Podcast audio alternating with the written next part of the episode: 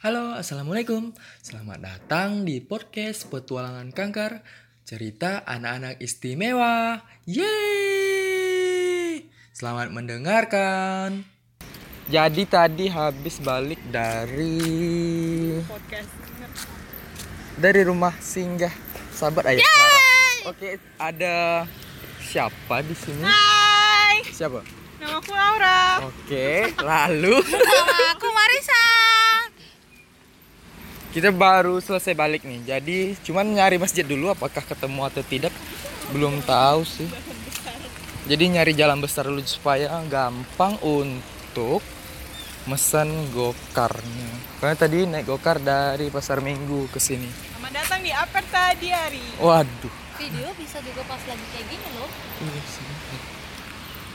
Nah nge-vlog ya sama mama Asik. masuk Lalu lah. Bingung jadi ya. Kan jadi bingung. Nah, mau nanya dong. Tadi ngapain aja, Kak?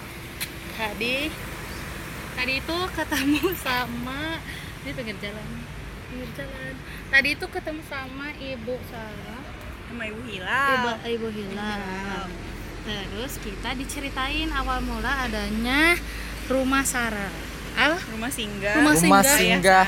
Ayah Ayah Ayah Sarah. oh ya Allah belum dipencet dari tadi. Rumah singgah Ayah Sarah. Jadi guys tadi kita udah cerita cuman belum di pinggir dipencet. jalan sambil nyari gokar Jadi ini sambil jalan aja ya karena emang baru kepikiran. ini pengalaman pertama datang ke sini langsung karena sebelumnya cuman Google, eh bukan googling sih, searching di IG aja, cuman mantau di IG. Ternyata proses untuk bisa bangun rumah singgah itu nggak mudah juga. Selain dana, juga ternyata penerimaan masyarakat di sekitar rumah itu juga menyangka kalau kalau apa namanya itu kanker itu menular. Jadi mereka juga takut anak-anaknya eh, kena lah. Padahal kan se- sebenarnya nggak ada hubungannya sih antara kanker dengan menular ya. Nah pada akhirnya setelah didatangi apa namanya ini dokter lah untuk ngejelasin baru masyarakat di sekitar mengerti. Nah sekarang kita tanya ke Kak Laura tadi ngapain aja sih? halo punya apa nih Apa aja dong? Tadi ngapain? Terus kenapa Tadi- ke sini? tadi ketemu Ibu Hilal sama Ibu Sarah jadi Ibu Hilal dan Ibu Sarah ini orang tua dari penderita kanker dan kedua anaknya uh, sudah berpulang dan mereka tergerak nih pada akhirnya untuk mendirikan rumah singgah untuk orang-orang yang uh, apa ya ujian hidupnya tuh sama dengan mereka.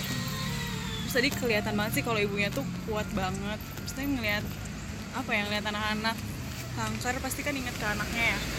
Tapi mereka tetap bisa senyum tetap bisa tulus gitu tetap sama lain. Itu oh, jadi banyak belajar gitu dari mereka. Terus terus apa lagi? ketemu sama anak namanya siapa kak Mars? Alika Frisa sama Johro Lika, Lika itu umur 3 tahun. Dia kena kanker di mata. Tadi seru sih main bola sama Lika sebentar nggak banyak. Lagi makan anaknya. Terus sama Zah Zahro ya?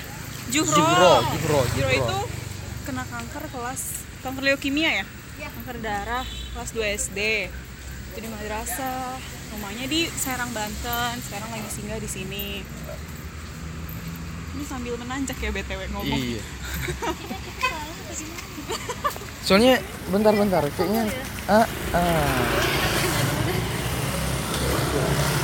Nah, tadi kan udah sama Mbak La, Mbak La, Laura.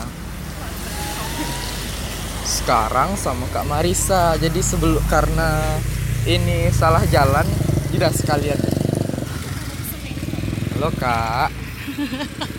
Hai upload dong ngapain tadi? Tadi ketemu sama banyak ibu-ibu hebat sama anak-anak lucu gitu di rumah singgah yang dibikin sama ayahnya Sarah Husnia. Nah Sarah itu sebenarnya anaknya udah nggak ada Ah, meninggal karena kanker darah leukemia juga. Terus hari leukemia bukan juga berarti jangan gue leukemia enggak kok gue alhamdulillah saya sehat. Penyakit saya cuma buang air doang.